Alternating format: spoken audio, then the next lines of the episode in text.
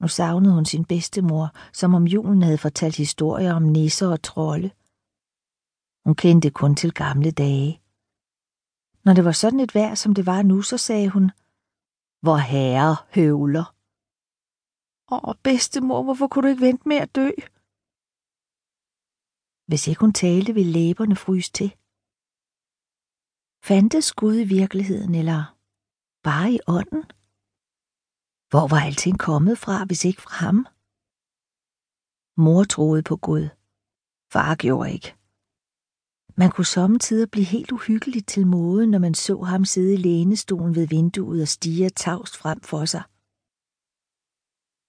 Aldrig, mumlede hun igen. Aldrig. Hun lagde nakken tilbage og kiggede op i den uendelige grå himmel. Hvis du hører mig, hvis du findes, så vis mig vejen hjem. Abelone trampede trodsigt videre. Gud kunne hverken frelse hende eller slå benene væk under hende. Blot sende hende et sølle tegn. Far skældte ud, når hun faldt i staver ved bordet.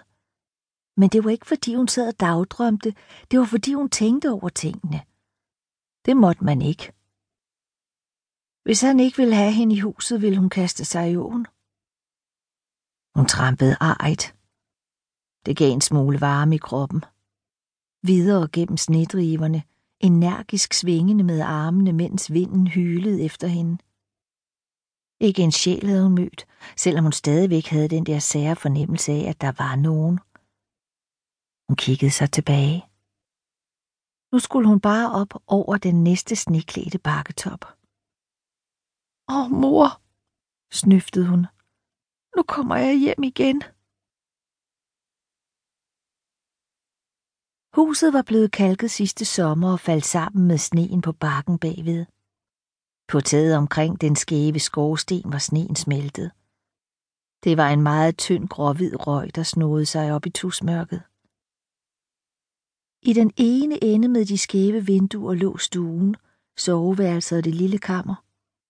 I den anden ende med de små jernvinduer var stallen. Her var flere knuste ruder erstattet af halmtotter. Fra køkkenet kom man ud i det store bryggers med stengulvet og derfra direkte ud til dyrene. Abelone stod længe og betragtede sit barndomshjem. Hun måtte bide i hånden for at få tænderne til at holde op med at skure. Hun tog træskoene på. At gå føltes som at blive slået under fødderne. Men det betød, at der var liv i dem.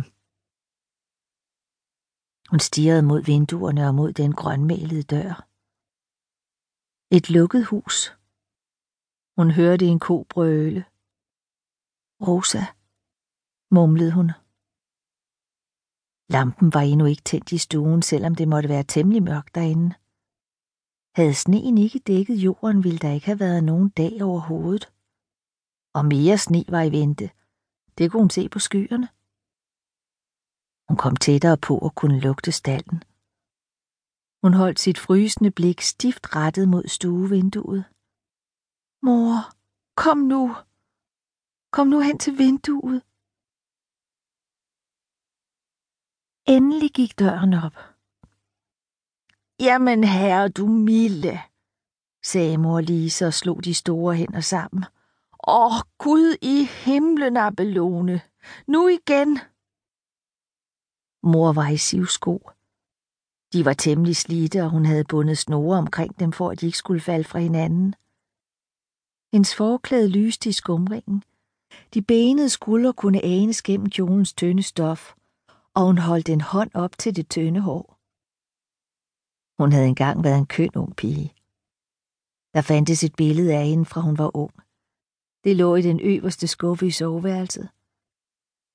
Avalone havde sommetider taget det frem for at sidde og kigge lidt på det. Hun havde været så køn, mor.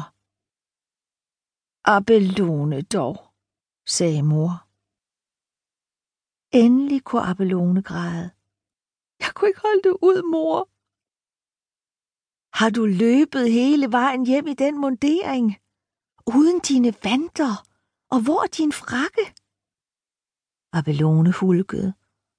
Mor trak hende ind i entréen. Hvor far?